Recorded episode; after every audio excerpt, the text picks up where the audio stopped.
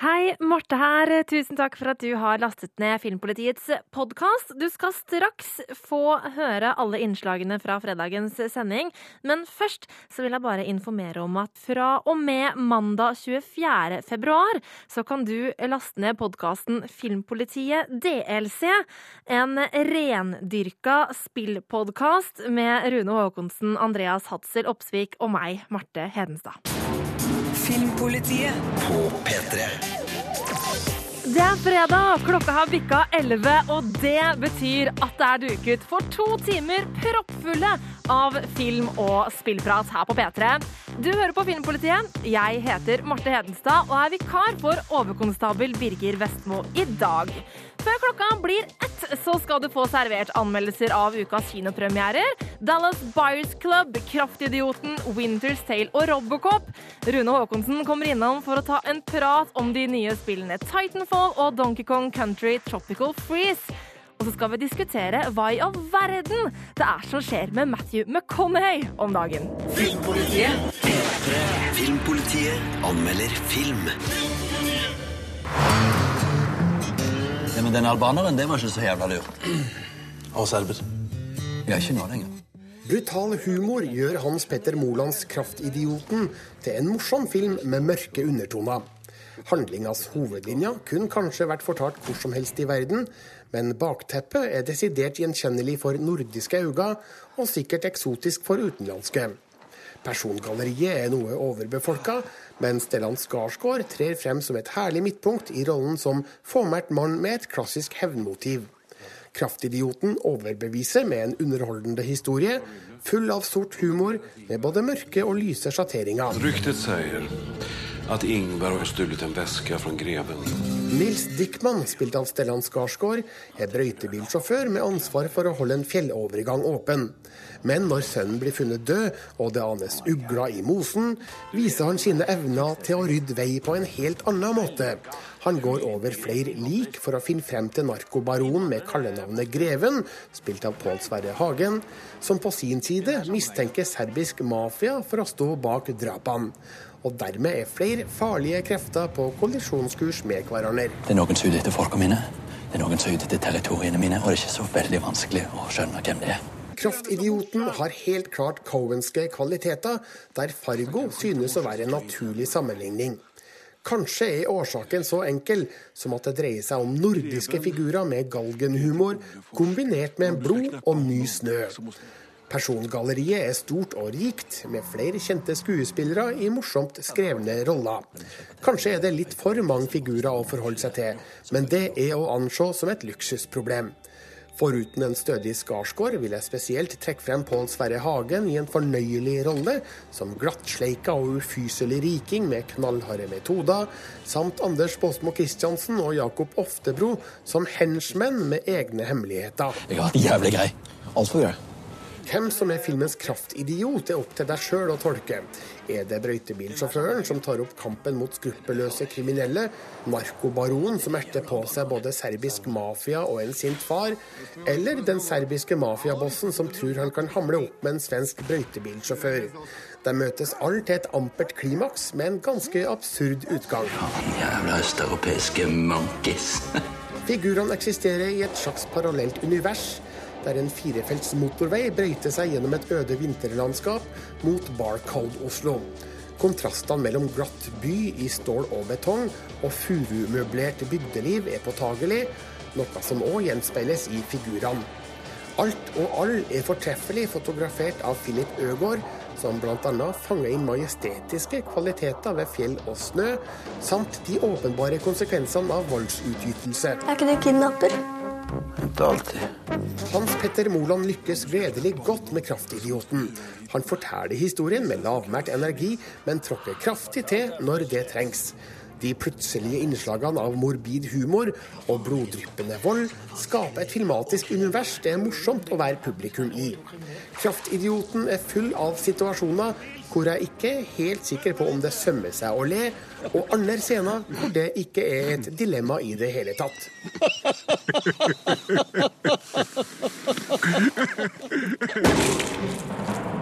Terningkast fem Filmpolitiet på P3. Hovedrollen eh, i Hans Petter Molands Kraftidioten spilles av svenskenes aller største filmstjerne, nemlig Stellan Skarsgård. Og han spiller den hevnlystne brøytebilsjåføren Nils Dickman, som er på jakt etter de som drepte sønnen hans. Rollen den har blitt sammenligna med Clint Eastwoods fåmælte, men handlekraftige hevnfigurer, noe Stellan Skarsgård har følgende å si om til Birger Vestmo. Jag har inte tänkt på det, men, men, de, men de, de, alltså Clint Eastwood är ju fantastiskt kul att titta på. Han gör ju ingenting, utan, och det er det är ju styrkan på något sätt. Uh, och lite samma sak fick man ju göra här som eh, i den här figuren, eftersom det, det är ju en man som inte inte är utlevande och inte visar sina känslor och så det, just hans problem att, att visa sina känslor och tala om känslorna gör ju att han blir så drastisk i att uh, leva ut sitt hevnbehov, helt enkelt. Men er han egentlig en, en voldsperson? Nei, det er han ikke. Inte mer enn noen annen. Men vi alle, alle mennesker så er vi jo voldspersoner. Det er bare det at vi har en fornisse utav, sivilisasjon, utav civilisation. Men den er jo ganske tunn. Vi skal ikke tro at at, att, att vi ikke kan begå hemskheter. At ikke, jeg mener, de, de som slaktar i, i, nede på Balkan eller som i det här landet för, under andra världskriget. Det var ju människor som du och jag. Det var ju inte några monster. Va? Men nå er vi forholdsvis siviliserte i Norden. Altså, kan du forstå dette hevnmotivet som vokser fram i eh, Nils Dickman? Ja, det kan, det kan man göra. Har man barn så kan man förstå det mycket väl. Eh, man vet ju inte hur man själv skulle reagera och förhoppningsvis så, så ger man sig inte ut och dödar en massa människor. Men, men eh, det, vi får nog acceptera att vi är djur och att vi eh, vår civiliserade fernissa är ganska tunn. Det, vi skal ikke tro at vi, vi har utvecklats genetiskt bare for at vi har utvecklats eh, socialt. Denne filmen kan på sett og vis ligne på noe vi har sett i et Cohen-univers, som da spesielt Fargo. Ser du at det kan være en inspirasjon for, eh, for denne filmen? Jag vet inte vad det är en inspiration, men, men, men det är klart att eh, vad man har sett hos Cohen och även hos Tarantino är ju att eh, det går alldeles utmärkt att, att eh, inte bara blanda genrer utan att blanda emotioner också. Man kan, man kan vara allvarlig på samma gång som man är väldigt komisk. Va? Mm. och den friheten har ju Hans Petter tagit sig i de två sista filmerna i alla fall. Va? Du spiller jo over en hel rekke sjangere. Eh, er dette en du trives spesielt godt i? Ja, jag, jag, jag, tycker, jag trivs ju med att jobba med Hans Petter kan man ju säga. Och, och, som, och, och, och trier och bra regissörer. Men jag, jag, jag bryr mig inte särskilt mycket om vilken genre jag arbetar i. Utan det, det, jag njuter ju av att gå mellan genrerna och, och se eh, mitt jobb och det som är svårt är att se till att det blir liv i, i det jag gör vare sig eh, vilken genre är. Va? Och, och sen så tycker jag det också är kul att underspela som jag gör i den här, va? det vill säga att inte visa så mycket. Stellan Skarsgård ble intervjua av Birger Vestmo om Kraftidioten. Filmpolitiet anmelder film. Don't play good cop, bad cop? Bad cop, Robocop. Som stor fan av Paul Verhovens Robocop fra 1987 hadde jeg overhodet ingen behov for å se denne nyinnspillinga. Den når selvfølgelig ikke originalen opp til støvleskaftene, som nå er en godt innarbeida regel med få unntak i remake-sirkuset. Men hvis jeg later som om den første Robocop ikke eksisterer, og at jeg ser denne historien for aller første gang, sitter jeg likevel igjen med et inntrykk av en tøff high-tech sci-fi actionfilm med noen store ideer. Den er best når det smeller, dårligst når det skal formidles følelser, og den er dessverre nesten fri for originalens bitende satire og overdrevne voldsestetikk.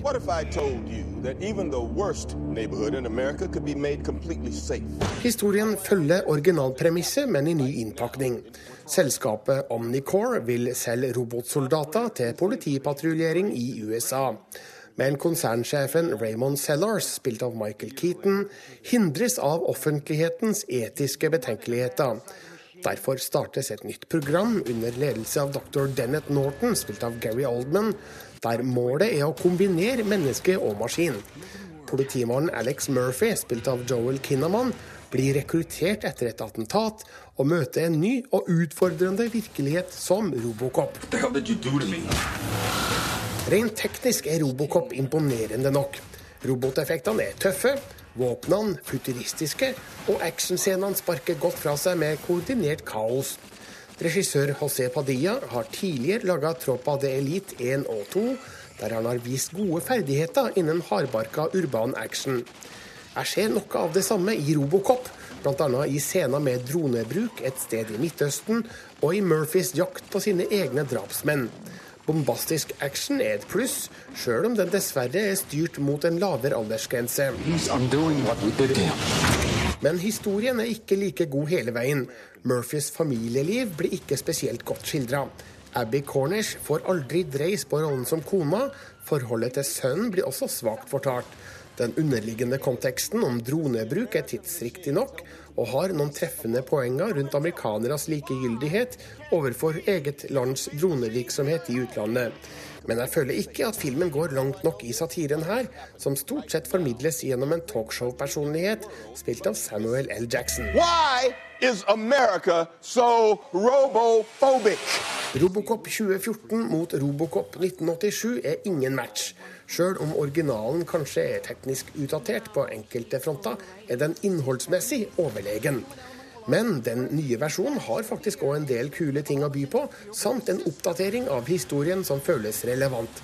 Dessuten spiller svenske Joel Kinnaman, kjent fra Snabba Cash-filmene, imponerende godt i hovedrollen, og følges av en opplagt Michael Keaton og en intens Gary Oldman. Så det her kun har vært mye vær. Nye Robocop godkjennes. Thank you for your cooperation.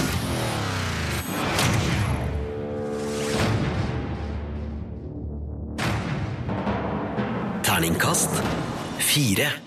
Nei, Nyinnspillingen av Robocop nådde ikke helt opp til originalen, altså, ifølge Birger Vestmo. Det skal fortsette å handle om roboter her i Filmpolitiet, for straks så skal du få høre hva Rune Haakonsen syns om det nye storspillet Titanfall, som han har fått en liten sniktitt på. P3. I should have been here. They're going to call us marauders, terrorists, or worse. I'm sorry. I promised you I'd never get back in one of those damn machines again. If you're looking down, I hope you understand.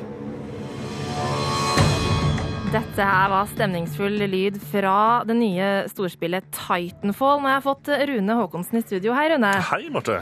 Du, eh, Da Microsoft viste frem den nye konsollen eh, Xbox One på E3 i fjor, så var jo Mhm. Titanfall et av de store spillene de ønsket å på en måte reklamere med konsollen sin for. Og ikke minst fordi at de hadde da stjålet, eller vi kan si mye om den prosessen, men det var de gamle Call of Duty-utviklerne som da hadde startet et nytt spillstudio Ja. av konflikter, og bestemte seg for å lage et nytt spill, og Titanfall er da det resultatet de har kommet fram til. Ja. Her har vi erfarne folk som har laga skytespill i mange år, de vet hva som skal til, og jeg kan si med en gang at opplevelsen av Titanfall er intens, spennende, og jeg tror at de sikter seg inn mot en ny e-sportbølge, rett og slett. Ja, ok. For I tillegg til Xbox One så kommer jo spillet også til Xbox 360 og PC, og du har Mhm. testa det på PC. Hva, hva er eh, førsteinntrykket ditt? Det er veldig intense kamper. Det er bare flerspillerkamper, så de har kutta ut den der enkeltspillerhistorien nesten helt og prøver å integrere noen av disse fortellerelementene inn i flerspillerkampene. Men det er kampene mot andre spillere som er viktigst. Du starter ut som en pilot, du løper rundt på brettet, det er noen datastyrte motstandere og det andre laget, og etter hvert som kampen skrider framover, så går det en klokke som telles ned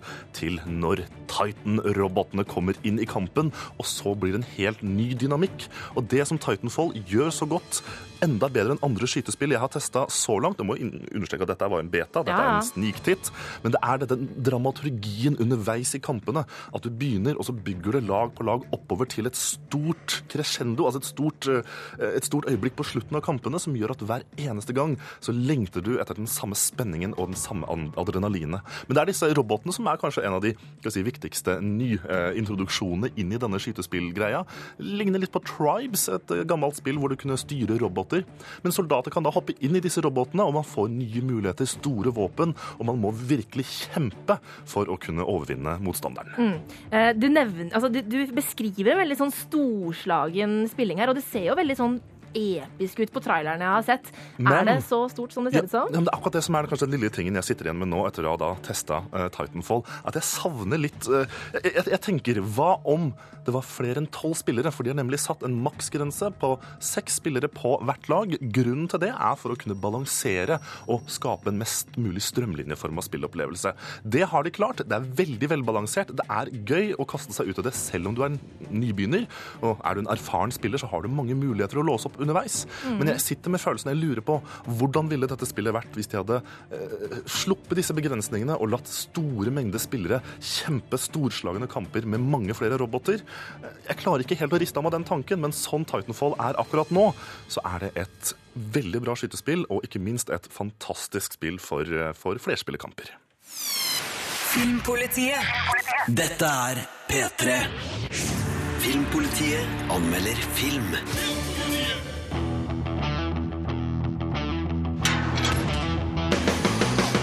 Fantastiske skuespillerprestasjoner fra Matthew McConaughey og Jared Leto gjør Dallas Buyers Club til en imponerende film.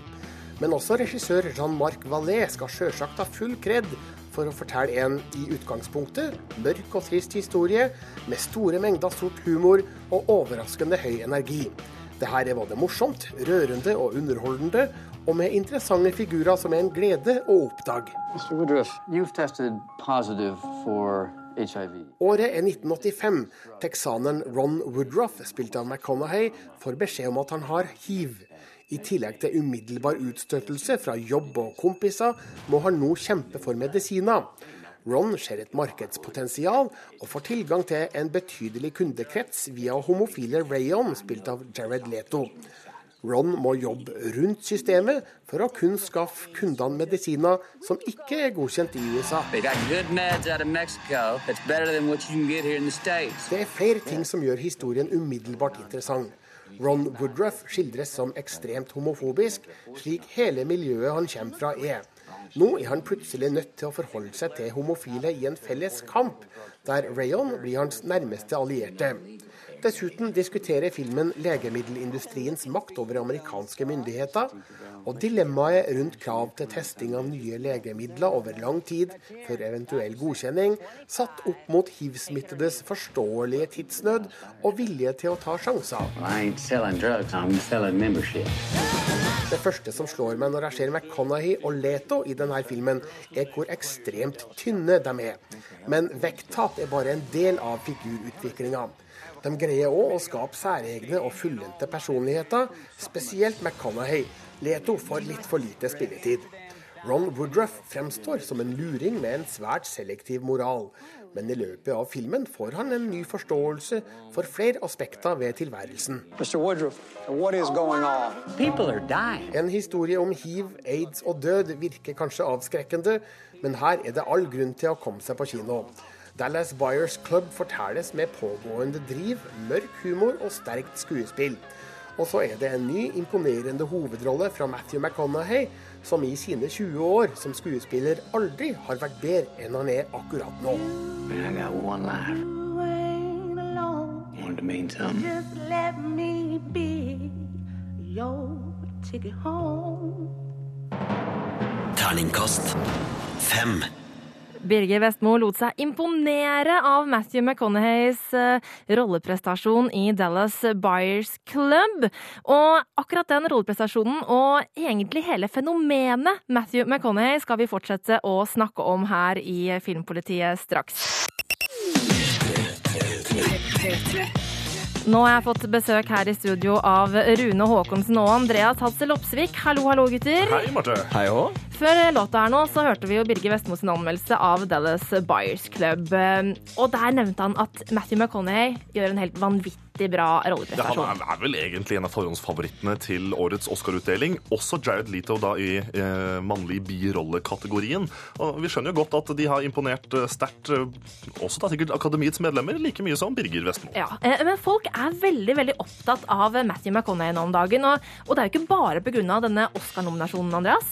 Nei, det er jo den Oscar-nominasjonen eh, for eh, Dallas Buyers Club, og i tillegg filmer som Mud, som kom ut i fjor, og ikke minst TV-serien True Detective, der han Ah, spiller en av hovedrollene, Altså, det- som det er to detektiver. Jeg, jeg, jeg, jeg blir helt fra meg å tenke på True Detective. Det er en så sinnssykt bra serie. Ja, du du trilla terningkast seks, Jeg Marte. trilla rett og slett terningkast Det det var ikke trilling engang. Det var, det Nei, det var det var banking var i bordet. Det var, ikke, det var ikke snakk om å trille noe annet, eller banke ned noe annet. Men, men altså, historien til Matthew McConaughey, McConaughey er jo litt eh, mer av typen eh, deilig solbrun kjekka som tar av seg skjorta når han har muligheten. I hvert fall som Det var stereotypien før, da. Men jeg har klart å, å, å pinpointe, tror jeg, da, det som ble rett og slett vendepunktet i hans karriere, nemlig eh, krimthrilleren The Lincoln Lawyer, som gikk på kino her i Norge i 2011. Jeg har lyst til å bare lese kort fra min egen anmeldelse okay. av filmen.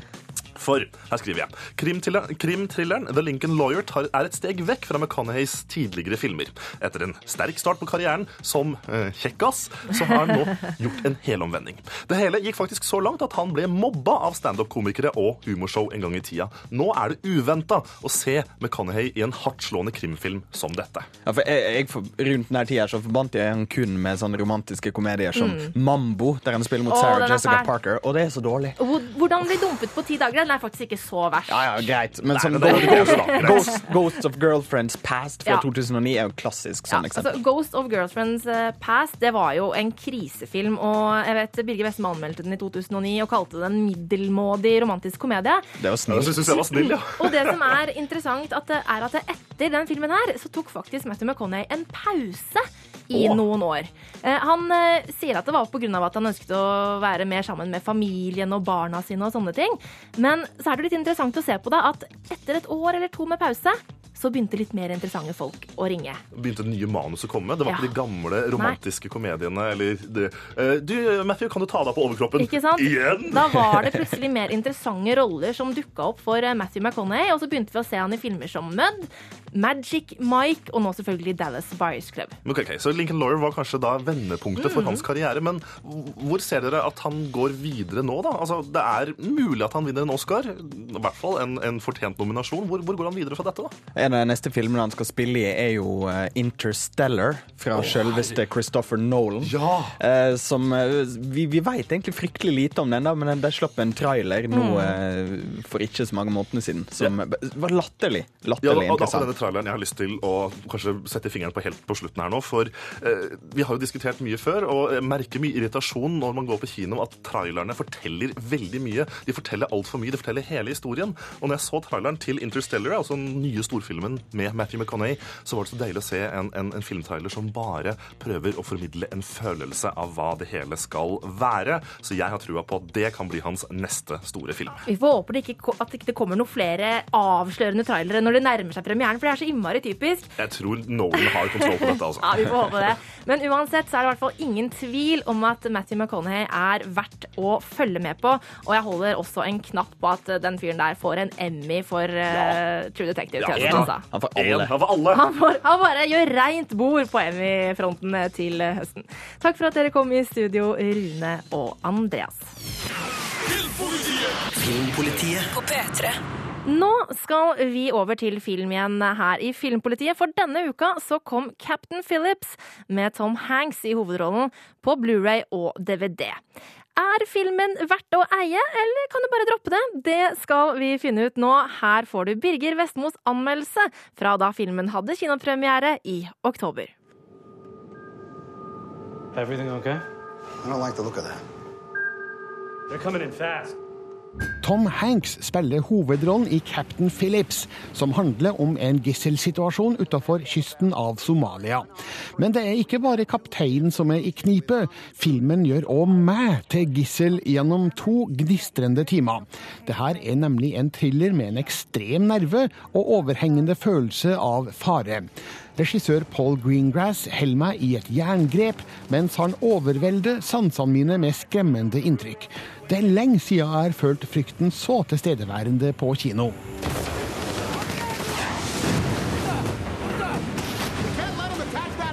Filmen er basert på den virkelige kaptein Rich Phillips og det som hendte i 2009. Det amerikanske skipet Mersk Alabama blir kapra av fire somaliske pirater i Adenbukta. Det oppstår en dramatisk psykologisk kamp mellom en forsiktig kaptein og desperate kaprere med voldsomme temperamenter. Den amerikanske marinen mobiliserer flere skip i området og tilkaller Navy Seals fra USA, men er det tidsnok? One minute,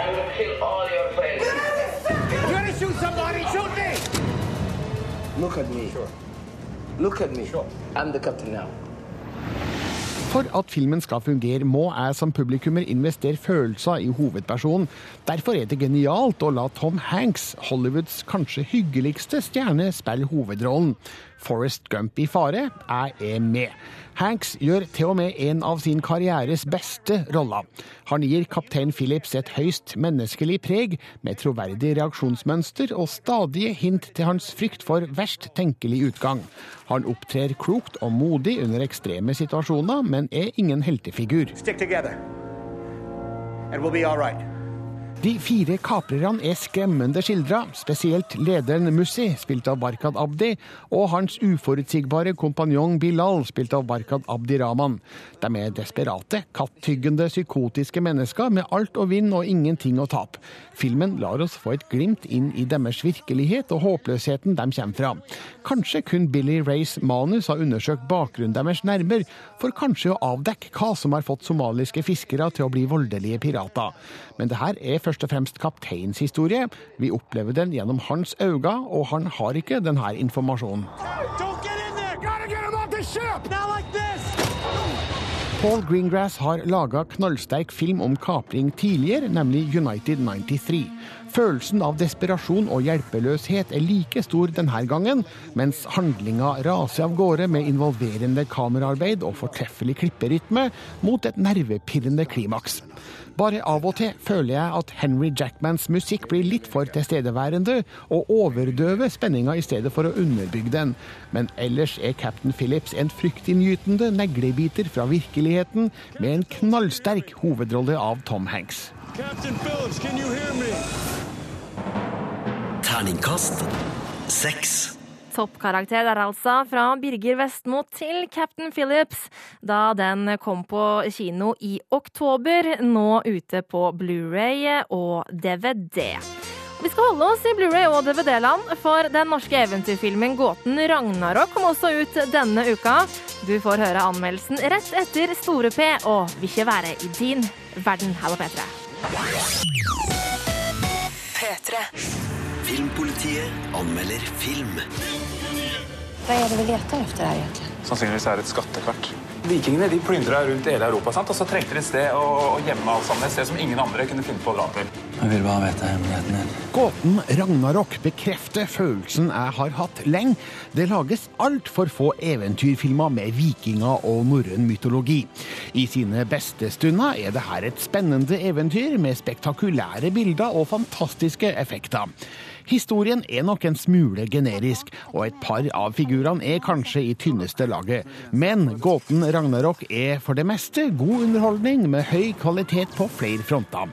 Og viktigst av alt, den gir meg en god eventyrfølelse. Det dere må forstå, er at Oseberggraven er helt annerledes enn alt annet vi har funnet. Arkeologen Sigurd, spilt av Pål Sverre Hagen, tror Osebergskipet skjuler en hemmelighet. Når kollegaen Allan, spilt av Nicolai Kleve Broch, finner en runestein i Finnmark som ligner på et skattekart, tar Sigurd med seg ungene for å finne ut om vikingene virkelig har vært der, og hva de eventuelt har skjult der oppe. De følges av Allan, hans venninne Elisabeth, spilt av Sofia Helin, og en lokal kjentmann, spilt av Bjørn Sundquist. Men i et bunnløst vann på den andre sida av russergrensa finner de noe som kanskje burde ha forblitt uoppdaga. Dette er ikke noe skattekammer. Nei, dette er ikke gravkammer. Filmens trailer overlater lite til fantasien, så da kan også jeg like godt avsløre at filmens store oppdagelse tilhører dyreriket. Det er utrolig godt animert og lydlagt, og fremstår som deilig skremmende. Spenninga det her utløser er absolutt av godkjent merke, spesielt i en høythengende sekvens, i en scene der en konstruksjon dras mot vannet, og i en scene fra en russisk bunker. Det her er imponerende godt laga. Ragnarok. Tror du på eventyr? Originaliteten er ikke blendende. Parallellene til andre filmer er nemlig åpenbare. Her får vi litt Jurassic Park og Indiana Jones blanda med Anaconda og Lake Placid. Den blekner sjølsagt mot de to første eksemplene, men filmens bruk av velkjente spenningselementer og bildekomposisjoner gjør gåten Ragnarok til et spennende eventyr. Villmarka er overbevisende, vannet illevarslende, en diger hule er lekker i all sin dunkelhet, og figurene er sjarmerende. Pål Sverre Hagen er god som storøyd eventyrer. Sofia Helin tar med seg sin saga norenske tøffhet til en litt mer tilgjengelig figur, mens Maria Anette Tanderød Berglyd og Julian Podolsky er flinke som søsknene Ragnhild og Brage. Kleve Broch og Sundquist er utstyrt med de tynneste figurene på papiret, men gjør gode jobber med det de har å spille på. Det her er en fin gjeng å dra på tur med. Dette er din skyld. Jeg vil bare finne ut av det, ikke sant? Jeg kunne ønska meg enda flere spenningssekvenser og et bedre lag med humor. Det fins òg ting i historien som kun har blitt forklart grundigere, som hvilken plan innledningas vikinger egentlig hadde, eller hvordan Allan tror han skal komme seg unna med det han har i bagasjen. Har han ikke sett Jurassic Park? At noen av figurene òg er litt tynt skrevet, er egentlig underordna. Stikkordet her er underholdning, og der lykkes gåten Ragnarok godt. Denne filmen er absolutt verdt en kinotur. Terningkast fire. P3. Who are you? Star Lord. Who? Well, Star Lord, man. Legendary outlaw. Forget it. Hva i all verden er det vi hørte lyd fra her, eh, Andreas? Der, ja. Hei, Her surrer vi litt. Det var mye lyd på en gang her nå. gjelder å skru på mikrofonen. før Gjelder å si på det. Andreas, jeg beklager, jeg prøvde ikke å sånn mute deg. Hva, hva, hva er det du har å si? Vi, hva hørte vi lyd fra her? Det, det var fra den nye traileren til filmen Guardians of the Galaxy, som blir eh, Marvel sin neste superheltfilm etter da uh, Captain America 2 kommer til eh, sommeren. Ja, og, og det her er en helt ny serie med superhelter som skal introduseres. Det har vært knytta mye spenning til hvordan vil dette fungere, for det er jo ikke en, en, en gruppe vanlige superhelter heller, Andreas. Nei, det, det her er ikke den der standard superheltehelten. Det er litt mer det er kanskje Marvels små, merkelige antihelter som er veldig glad i. Det er ute i verdensrommet. Ja, for, for det, det er en liten vaskebjørn. Det er en, en liten vaskebjørn som heter Rocket Raccoon. Som snakker. Er, som snakker, som er helt gal. Uh, hans beste venn, det levende treet Groot. Og der er da ledd av Star-Lord, som er en, eh, en mann som ble en, helt vanlig menneske, som ble kidnappa fra jorda på 80-tallet. Og dermed har et enormt godt forhold til eh, på en måte 80-tallsjorda. Ja, og, og han er da spilt av Chris Pratt. Og når jeg ser den traileren her, så syns jeg det virker veldig, veldig Veldig tullete. Eh, Andreas, eh, jeg vet jo, eh, Marvel har jo The Avengers og Iron Man-filmene som har slått an helt utrolig bra. Altså, Vil Guardians of the Galaxy eh, slå ned like bredt, tror du? Om ikke like bredt, så håper jeg i hvert fall at jeg kan beholde den humoren eh, som er veldig sentral i Guardians of the Galaxy, for der er et merkelig lag. Det kan, ligner kanskje mer på sånn type Han Solo og gjengen enn det gjør på Captain America. Men det er derfor jeg også tror at eh, Guardians of the Galaxy kan fungere så godt. For det vi får se i traileren, som for øvrig i dag ligger ute på våre nettsider p3.no, skråstrek filmpolitiet, er nettopp en, en, en helt annen lekenhet i forhold til humoren, i forhold til lettheten, i forhold til eh, hvordan de behandler det som f.eks. for eksempel da i nyere superheltfilmer blir veldig tunge eh, Mm. temaer. Å, vi må redde verden. Alt går skikkelig er trist, jeg er deprimert. Er trist, Uff. ja. Og det er liksom den store, vanskelige uh, endringen som superhelten må gjennom for å komme over på den andre siden og likevel redde verden. Altså, Det er ikke noe av det her. Det er mer uh, skal vi si, glad stemning, da. Ja, og så er det i tillegg regissert av James Gunn, mannen bak Super, som er bare sånn den merkeligste superhelthistorien, helt uavhengig av noen av de store, merkeligste superhelthistorien eh, på mange år, som kom eh, for et par år siden. Det her er jo da tydeligvis en rimelig annen vei enn det DC for eksempel har gått med The Dark Steel og der, Det, det, det, det, er ikke, det, er ikke, det er ikke mørkt, det her. Det er, det er løsere, og det er koselig, og som sagt, han har et sånn eget godt forhold til 80-tallet, og en Walkman som han alltid går rundt med på seg, eh, som betyr veldig mye for han, for det er hans anker til jorda. Ja, og etter å ha sett traileren denne uka her, alle sammen, så har vi jo Vi har begynt å synge på en sang som kommer også til å brukes mye Ja. i filmen. Og beklager til alle dere som hører på P3 nå, men denne her går nok rett inn i hjernebarken veldig fort. For Hooked on a Feeling her, den svenske popgruppa Blåbus og Bjørn Skifs på P3. Filmpolitiet anmelder film.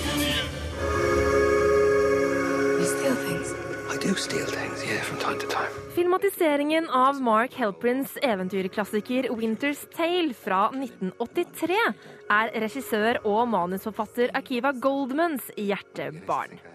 'Winter's Tale' lider av at han vil for mye, og vi ender derfor opp med et merkelig sammensurium av en film. Dette er en klisjéfull og noe høytflyvende historie som er så søtladen at det nesten kiler i øra. Samtidig så er det noe magisk ved filmen som appellerer til romantikeren i meg. Vi er alle født med et mirakel i oss, og et sted der ute er personen det mirakelet er ment for. Én sjel blant millionene som er din skjebne. Når du nærmer deg skjebnen, vil universets gode krefter gripe inn for å hjelpe deg å utføre ditt mirakel, mens universets mørkere makter vil prøve å stanse deg. Dette er prinsippet for Winter's Tale. What are your motivations, intentions, and desires? Tell the absolute truth. Don't elaborate. Stop if a neighbor, child, or servant comes in and be brief. Filmen er satt i et slags alternativ til New York, der både skytsengler og demoner vandrer i gatene. Og handler om innbruddstyven Peter Lake, spilt av Colin Farrell, som forelsker seg i en ung kvinne som bor i et hus han forsøker å rane.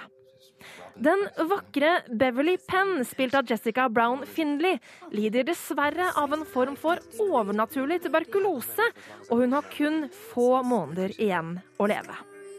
Er dette kvinnen Peters mirakel er ment for? Kan han redde henne hvis han bare elsker henne nok? Universets krefter settes i sving, og Peters skytsengel, en magisk hvit hest, og demonen slash gangsterlederen Perly Soames, spilt av Russell Crowe, gjør det de kan for å hjelpe og stoppe Peter fra å utrette sitt mirakel. Det er veldig fristende å skrive en slakt av Winter's Tale, men tross sine store mangler så klarer filmen å fange min interesse. For det er noe magisk og eventyrlig ved dette universet som fungerer. Og mye av det skyldes den gode kjemien mellom Colin Farrell og Jessica Brown Finley. De to leverer en dialog full av klisjeer, med en troverdighet som overbeviser meg om at kjærligheten de har for hverandre, er ekte. Og som den evige romantikeren jeg er, så ble jeg derfor grepet av historien. Faktisk så mye at det kom en liten tåre mot slutten. Men jeg advarer. Hvis du er allergisk mot romantisk kliss og pretensiøst føleri, så må du holde deg unna dette eventyret. Har du imidlertid sansen for romantikk og eventyr, kan Winter's Tale være dugende underholdning også for deg.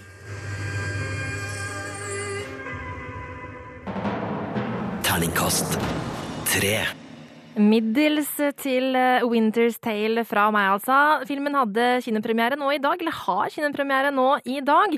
Eh, Og hvis du har lyst til å lese en litt mer utfyllende anmeldelse av filmen, så klikker du deg inn på p3.no skråstrek filmpolitiet.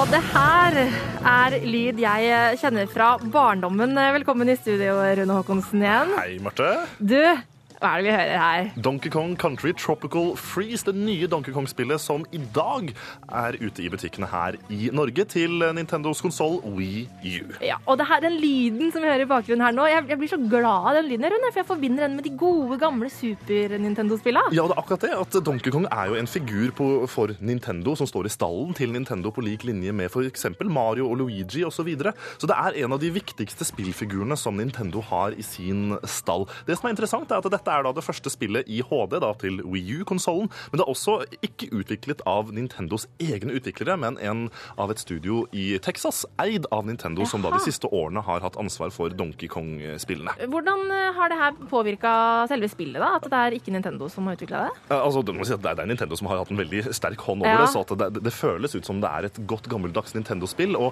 det er et sånn siderullende plattformspill eh, som vi kjenner fra gamle dager. Bare at de har brukt omgivelsene i større grad til å skape en, en større spillverden. Sånn som vi har sett f.eks. Eh, i Mario-spillene i det siste, hvor man kan eh, samarbeide eller, eller skal vi si, samhandle med både for- og bakgrunnen. Eh, F.eks. spillet Trine fra finske, finske Ja. utvikleren også er litt av det samme. Så, så de har tatt den gamle oppskriften og, og, og knadd den til og gjort det til en moderne spillopplevelse. Det som ikke funker så godt i Donkey Kong eh, Country Tropical Freeze, er litt spilleflyten. Jeg savner eh, opplevelsen av å bare sømløst mestre alt som skjer. Det er en liten barriere, for dette er et vanskeligere plattformspill enn i hvert fall hvis man skal samle inn alle uh, tingene, som man gjerne vil i sånne mm. type spill, så er det litt vanskeligere enn kanskje da, det man skulle vente seg. Så, så, Hvordan, så, da? Nei, at både brettene er litt lange og utfordrende. Det er litt vanskeligere å time hoppene rett og slett med uh, WeMote-kontrollerne. De er ikke helt optimale, så jeg foretrekker å bruke enten GamePad-kontrolleren eller en av de eh, ekstra Pro-kontrollerne som man ofte kan bruke. Det som er fint, da, er at Nintendo bruker mye tid på å tilpasse spillopplevelsen, slik at du kan styre spillet slik du selv vil. Det fungerer godt, men det er denne lille barrieren som gjør at eh, følelsen av flyt, følelsen av eh, enkel moro, ikke helt er til stede i Tropical Freeze-spillet. Men må jo legge til, da, det er en litt artig historie som gjør eh, at det er både barnevennlig og morsomt for store og små, i hvert fall for oss i Norge. For Donkey Kong-spillene foregår gjerne i tropiske områder, mens i dette spillet så kommer det onde vikingpingviner og legger et isøde over den ellers så fine tropiske øya. Og da må jo Donkey Kong og vennene ut på tur for å, for, for å redde øya. Det som også er viktig, er at det er to spiller, altså du kan samarbeide to stykker samtidig. Én styrer Donkey Kong, så har du da Dixie Kong, Diddy Kong og Cranky Kong som du også kan velge mellom. Det er Og- bra. Ja, og denne muligheten til å samarbeide to spillere eh, gir mange mulige, eh, artige muligheter. Og det er jo noe av det som man likte så godt med de gamle spillene også. Nettopp det at man kan spille to sammen. Eh, Men Rune, eh, i, eh, i 2010 så anmeldte du Donkey Kong Country Returns. Mm. Da mente du at uh, heltene hadde falma litt. Uh, Har de det nå? De har ikke falmet mer. Uh, De holder seg kanskje på samme nivå. Så for min del så er nok dette et godt plattformspill som ikke når helt opp til f.eks. Rayman Legends eller Mario-spillene, men absolutt å anbefale for spesielt de som har gode minner fra barndommen. Så mitt terningkast blir terningkast fire.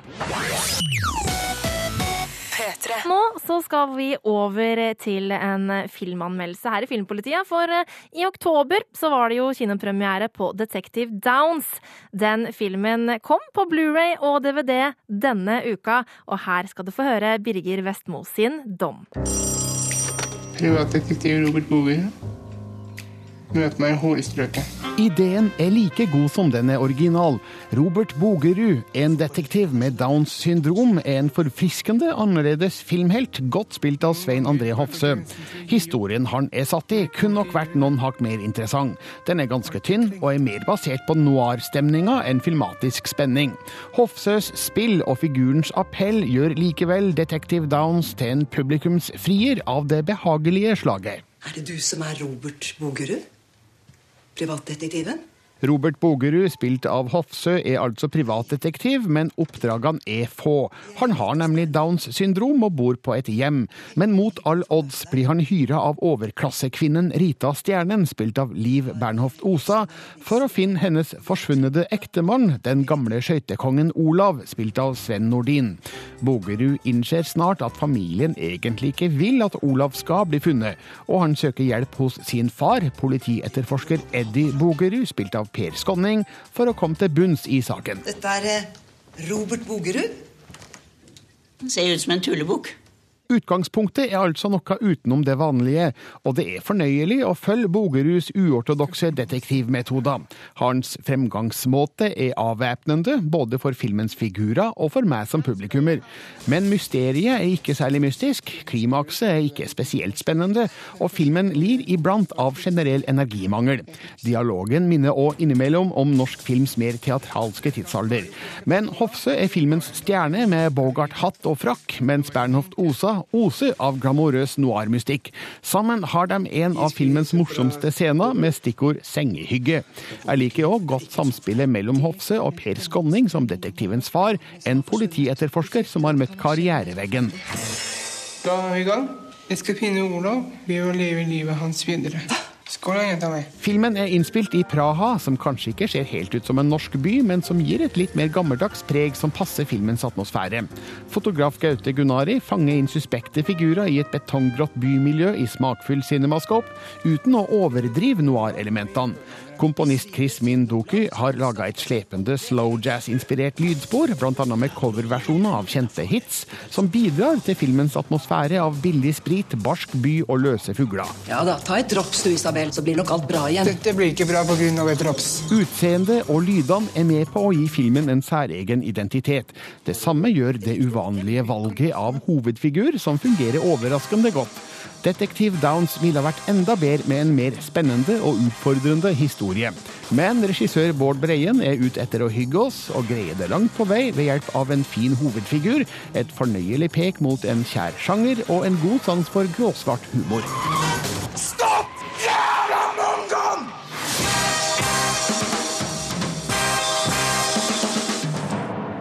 Terningkast fire. Ja, Birger Vestmo mente at Detective Downs var en publikumsfrier av det behagelige slaget da den kom på kino i oktober i fjor. Nå er den altså ute på Blu-ray og DVD. Filmpolitiet med Marte Hedenstad. NRK. Og med det så er Filmpolitiet ferdig for i dag. I dagens sending så har du fått høre anmeldelser av Dallas Buyers Club, Kraftidioten, Winter's Tale og Robocop. Og hvis du har gått glipp av noen av disse, frykt ikke, de ligger alle ute på p3.no filmpolitiet. Jeg må si takk til Rune Haakonsen og Andreas Hadsel Opsevik som har vært innom i dagens sending, og ikke minst tusen takk til deg for at du hørte på. Hør flere podkaster på nrk.no podkast.